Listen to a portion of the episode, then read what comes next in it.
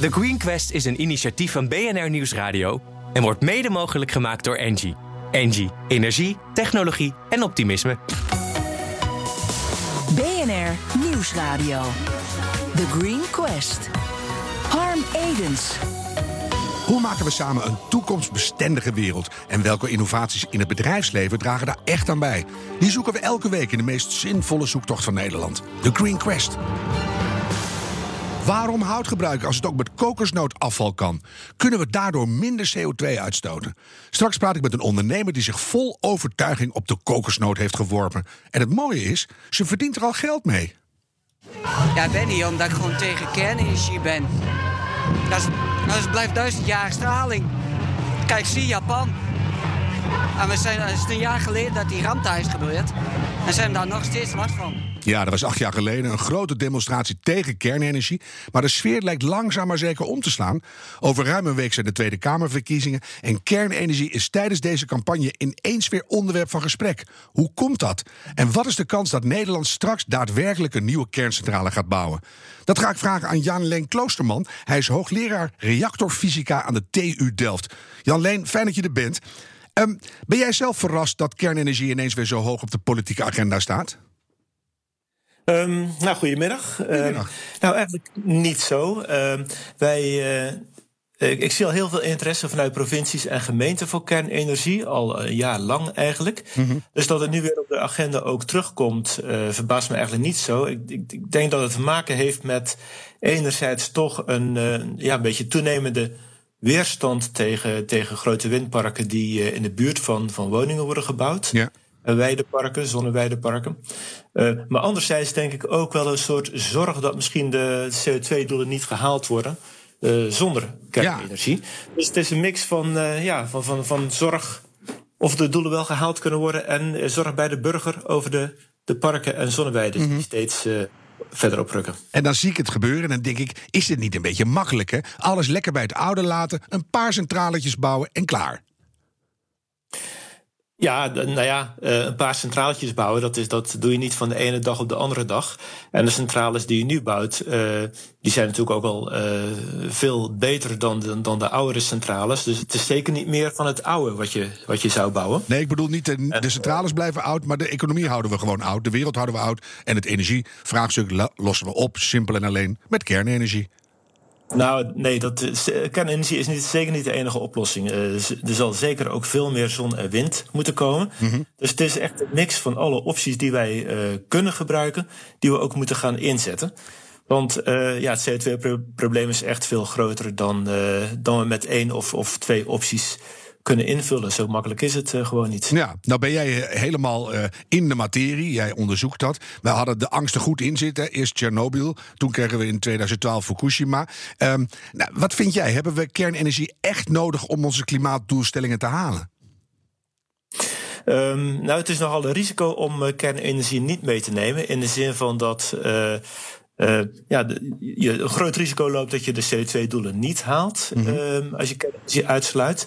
En bovendien uh, is het ook zo dus dat je de leveringszekerheid met kernenergie van je energiemix sterk kan vergroten. Ja. Dus ik denk dat dat twee belangrijke redenen zijn om in ieder geval toch kernenergie als optie uh, mee te nemen en uh, in ieder geval open te houden. Dan lopen de meningen nogal uiteen. Ik sprak vorige week chemieprofessor Bernard Dam van jouw eigen TU Delft. En die zei: ja, dat is helemaal niet nodig. Dat is vaak komt dat uit de koker van slecht geïnformeerde politici. Uh, nou, daar ben ik het uh, niet zo mee eens. Want politici worden ook gewoon geïnformeerd door uh, wetenschappers en technici en mensen die beter ook ingelicht zijn over de materie. Mm -hmm. nee, ik denk dat, het, dat, dat de materie echt wel complexer is. En dat je niet zo moet, je aandacht moet richten op een, een enkele optie. Maar dat je echt zoveel opties uh, als mogelijk mee moet, men, moet, nemen in de mix. Laten we er even, heel, ja, laten we er even helemaal weer eens induiken. Hè? Kernenergie. Hoeveel, ja. hoeveel energie kan je met zo'n nieuwe centrale opwekken? Waar, waar hebben we het over als we er één of twee bouwen?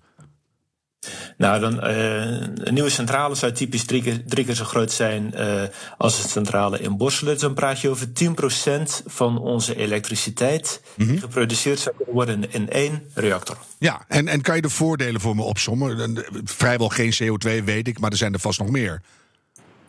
Nou ja, je hebt een, een, een andere uh, brandstof natuurlijk dan uh, de fossiele brandstoffen die nu worden ingezet. Dus je bent, bent ook wat minder afhankelijk van bepaalde landen. Ja. Je kan, uh, ja, kan met heel weinig landgebruik eigenlijk een grote hoeveelheid elektriciteit produceren. De een kerncentrale is eigenlijk heel compact. Mm -hmm. En het levert op, op afroep, zou je kunnen zeggen. Dus het heeft ook een sterk een groot positief effect op je leveringszekerheid van je energiemix. Ja, dus je hebt weinig ruimte nodig, eigenlijk geen CO2 en je bent heel leveringszeker. Dat zijn enorme voordelen. Wat zijn de grootste nadelen?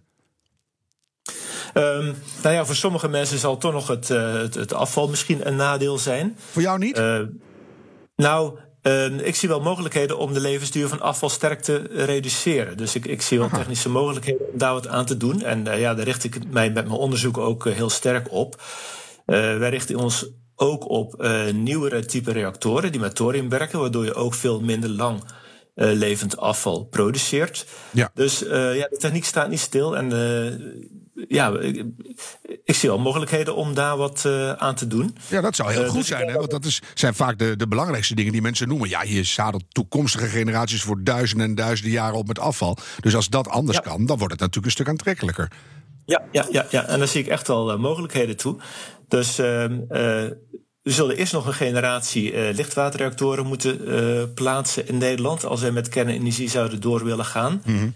En dan moet je eigenlijk dus de component in het kernafval wat heel lang uh, opgeslagen moet worden, moet je eigenlijk afscheiden. En uh, vervolgens vernietigen in nieuwe type uh, reactoren die je hierna kunt bouwen. Ja, ja dus dan, borduur je al voort op de toekomst. Dat vind ik altijd een mooie gedachte. Nou zit er natuurlijk aan zo'n heel gedoe, zit een bonnetje, een kassabonnetje. Het kost nogal veel geld. Uh, ja, en je moet alles van tevoren betalen. Dat is het nadeel van ja, kernenergie. Ja, ja. Je hebt een hele dure centrale die, uh, uh, die je eerst helemaal af moet bouwen voordat die elektriciteit kan gaan leveren. Hmm. En, en dat maakt het verdienmodel voor kernenergie wel wat lastiger. Dus je hebt echt wel een grote uh, grote bedrijven met diep, diepe zakken nodig ja. om uh, kernenergie te realiseren. En of een politiek die, uh, die meewerkt. Ja, nou misschien beide. Nou zijn we natuurlijk hard op weg naar die nieuwe wereld. En zo'n kernreactor, dus zo'n zo'n nieuw ding, is op zijn vroegst in 2035 klaar, heb ik me laten vertellen. De, de, komende tien jaar moeten we veel verschil gaan maken. Is dat niet veel te laat? En, en als we op andere bronnen gaan inzetten, hoe groot is jouw, voor jouw gevoel de kans dan dat we tegen die tijd zoveel nieuwe technologie en, en ontwikkelingen hebben, dat we kernenergie helemaal niet meer nodig hebben. Uh, nou, laten we hopen dat dat zo uh, gaat. Hè? Dus dat we inderdaad zoveel nieuwe technologie hebben dat we kernenergie, kernenergie niet nodig hebben. Mm -hmm. Want dat betekent ook dat het, uh, het probleem dat we moeten oplossen veel makkelijker wordt. Ja. Um, maar goed, daar kun je niet op vertrouwen. dus je hebt toch wel een optie nodig, denk ik, als, als backup om ook in te zetten. En nou ja, goed, blijkt dan over 30 jaar dat we zoveel zon en wind en andere opties hebben dat uh, kernenergie niet meer nodig is, dan, uh, ja, dan, dan is dat de laatste generatie kernenergie geweest. Oké, okay, ja. Maar nu zou ik daar nog niet op willen vertrouwen. Dan krijg je van die gloednieuwe kolencentrales die je weer dicht moet gooien. Dus het is ingewikkeld allemaal. Als je naar de landen om ons heen kijkt, hè, hoe denken ze daar over kernenergie? Um, nou, er zijn landen om ons heen die, uh, die kernenergie willen uitfaseren. Hè. Denk aan Duitsland. Dus mm -hmm. dan volgend jaar de laatste kern, uh, kerncentrale gesloten worden. Ja. Uh, België die neemt uh, in de loop van dit jaar een beslissing of ze wel of niet door willen gaan met uh, kernenergie, met de huidige kerncentrales die daar staan. Mm -hmm. Frankrijk is aan het uitbreiden, Engeland is aan het uitbreiden, Finland is aan het uitbreiden en een ja. paar landen in Oost-Europa zijn aan het uitbreiden. Dus ja, het is een, een gemeentebeeld in Europa. Ja, wat is jouw voorspelling? Gaat het ervan komen in Nederland? En zo ja, waar gaan we hem dan zetten? Um, nou ja, of het ervan van gaat komen, weet ik niet. Want er moet, er moet gewoon een, uh, een, een, bedrijf opstaan uh, die een kerncentrale in Nederland zou willen bouwen. Ja, maar jij voelt dat aan natuurlijk, Jan Leen. Jij hebt daar natuurlijk voelsprieten nou, voor. Jij denkt, nou, dat zou best wel eens kunnen lukken. Of nee, no way. Ik, nou ja, er zijn natuurlijk uh, veel meer opties voor die bedrijven. Dus ik weet niet of, of Nederland in het vizier staat van die bedrijven. Mm -hmm. um, maar ik ehm, nou ja, het zou denk ik voor de leveringszekerheid van onze, onze energiemix en uh, voor de CO2-uitstoot in ieder geval een goede zaak zijn. Ja.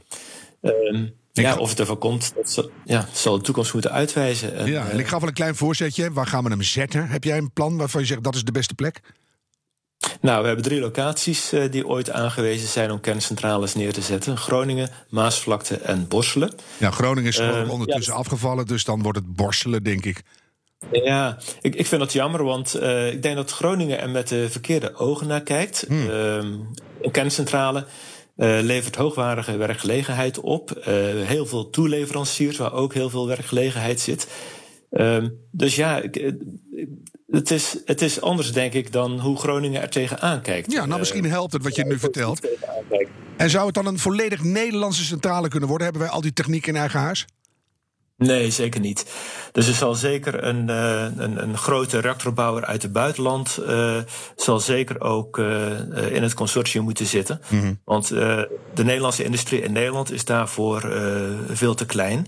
Dus wij, wat dat betreft, zijn we wel afhankelijk voor het nucleaire deel van een buitenlands bedrijf. Nou, we gaan het meemaken. Ik ben heel benieuwd hoe die discussie zich gaat ontwikkelen, zeker na de verkiezingen. Voor nu enorm bedankt Jan Len Kloosterman, hoogleraar reactorfysica aan de TU Delft. BNR Nieuwsradio. The Green Quest. Elke week zoeken we in dit programma naar de meest duurzame innovaties van Nederland. Vandaag nummer 23 in de Green Gallery, Goodhout. En hun innovatie klinkt ongeveer zo. Peter, met wat voor basismateriaal gaan we vanavond werken? Het basismateriaal wat we vanavond gaan gebruiken is... Ja, ja, ja, kokosnoten, ja, ja. There's about 70 billion coconuts that are grown each year, and we can use that so called waste and make an amazing new product.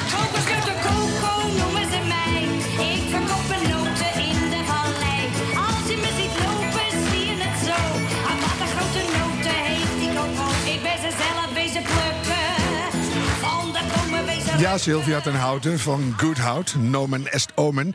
Fijn dat je er bent in de studio. En uh, van een afstandje luistert duurzaam onderneemster en kritisch jurylid Annemarie Rakhorst mee.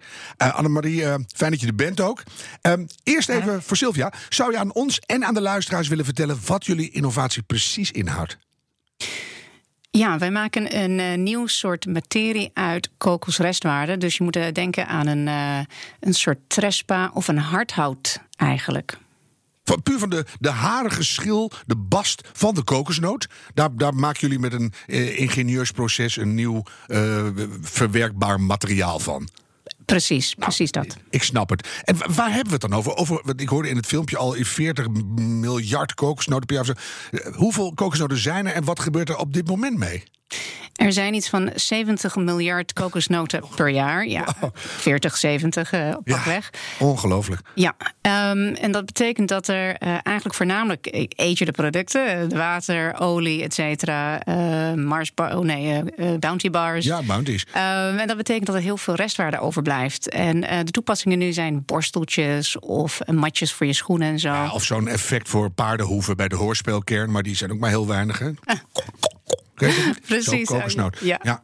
Dus de, dat ga je dan veranderen door er bouwmateriaal van te maken. Hoeveel CO2 kan je daarmee besparen? Door het her te gebruiken? Wij hebben berekend dat je ongeveer uh, hetzelfde als alle auto's van Nederland zou kunnen opzetten in een jaar. Als je, dat, uh, als je alle kokos zou gebruiken om een product zoals wat wij doen uh, toe te passen. Ja, je hebt het bij je. Mag ik even zien? Even langs het spatscherm. Dan zie je een soort mooie ja, dus bijna een tegel. Is keihard. Ziet er heel mooi uit. Nog steeds kokosnootkleur. Vind ik ook mooi. Ja, klopt. En dit wordt tot nu toe allemaal verbrand wereldwijd. Of weggegooid? Uh, we, weggewerkt. Uh, het duurt iets van acht jaar voordat één bolster uit elkaar uh, valt, zelf in de natuur. Mm. dus verbranding is normaal. Of sommige boeren sturen het in de oceaan in Sumatra. Dat zijn we ook achtergekomen. Oh ja, dus oh. als kunstmest voor de of meststoffen voor de toekomst werkt het ook niet echt. Dus je kan er echt wel zonder. Ja. ja. Mooi. Annemarie, wat hoor jij tot nu toe? Ja, het is uh, een prachtig uh, vorm van uh, vrouwelijk ondernemerschap... waar geld uh, mee wordt verdiend met een 100% biobased product. Ja. Geupcycled, hè? dus duurzaam. ik vind het wel wat. Mooi. Ehm, dus eh, ik ga toch even nog aan Sylvia vragen. Ehm, dat jij dit bedrijf gestart bent, voor, voor mijn gevoel was het niet helemaal toevallig. Hè? Want jouw grootouders waren beide bioloog.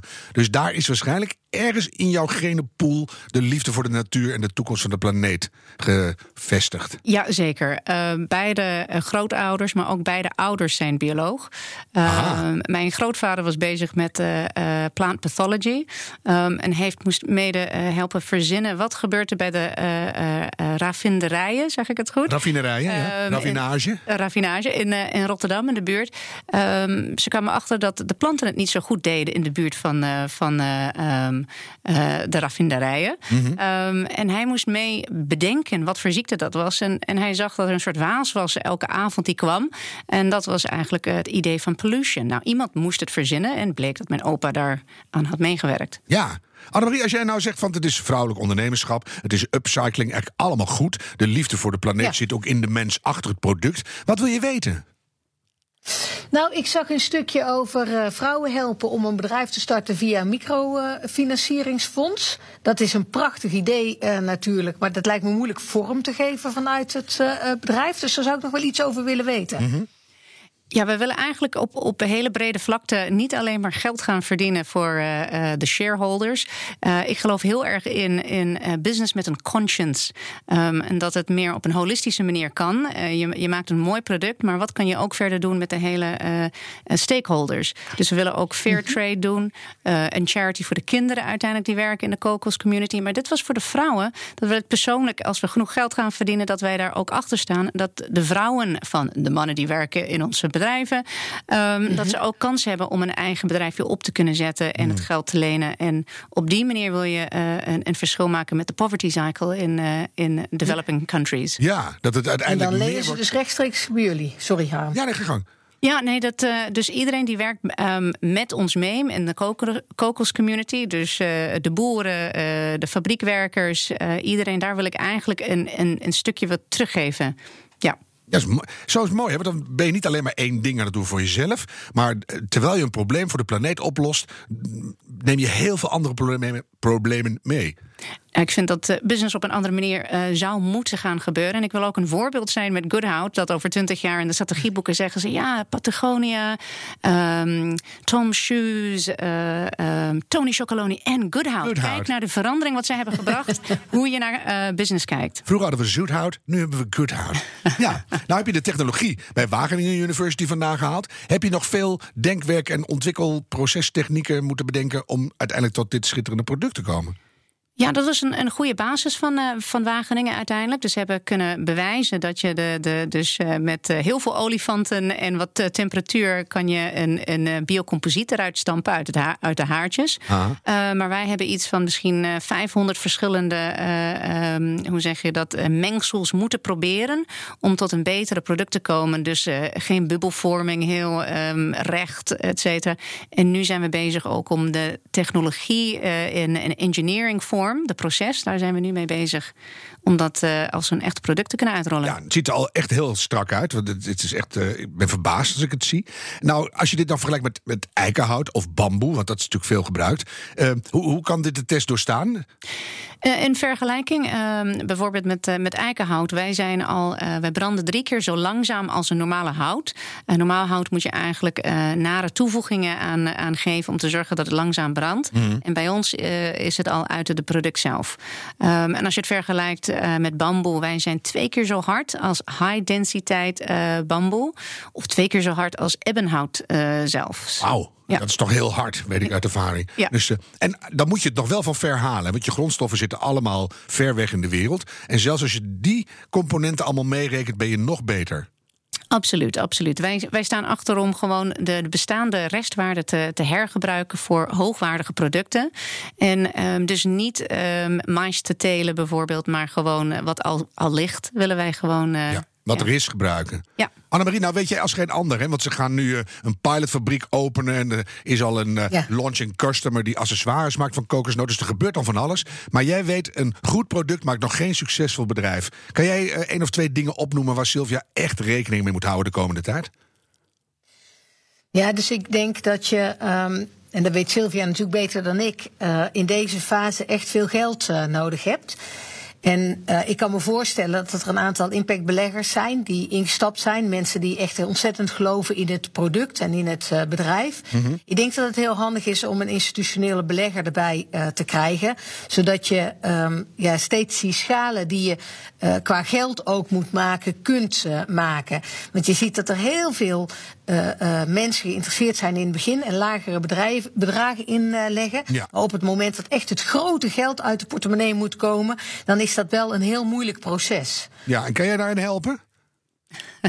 Ja, zeker. Dus we doen dat bij een aantal van de organisaties waar wij bij betrokken uh, zijn. We hebben net bij uh, Felix uh, de Hoogdenne aan boord gebracht. Aha. En dat is gewoon ontzettend belangrijk. Er zijn in Nederland maar een paar van dit soort grote impactbeleggers, institutionele beleggers, die bedrijven echt verder kunnen brengen. Ook naar die meer Anglo-Saxische beleggers toe. Ja. En er zijn maar een paar mensen die dat in de praktijk echt doen. Dus met, met heel veel plezier natuurlijk. Ja. En, en nog één ander ding, waar moet ze rekening mee houden? Ja, wat, waar ik nog een vraag over heb, is het terughalen van het uh, product. Dus ik hoop, hè, we hebben bij de transitieagenda voor consumptiegoederen uh, icoonprojecten lopen op plaatmateriaal. Dus als dit materiaal in een auto wordt verwerkt, bijvoorbeeld bij Lightyear mm -hmm. of in een IKEA-kast uh, terugkomt, hè, zo de Billy is noemen.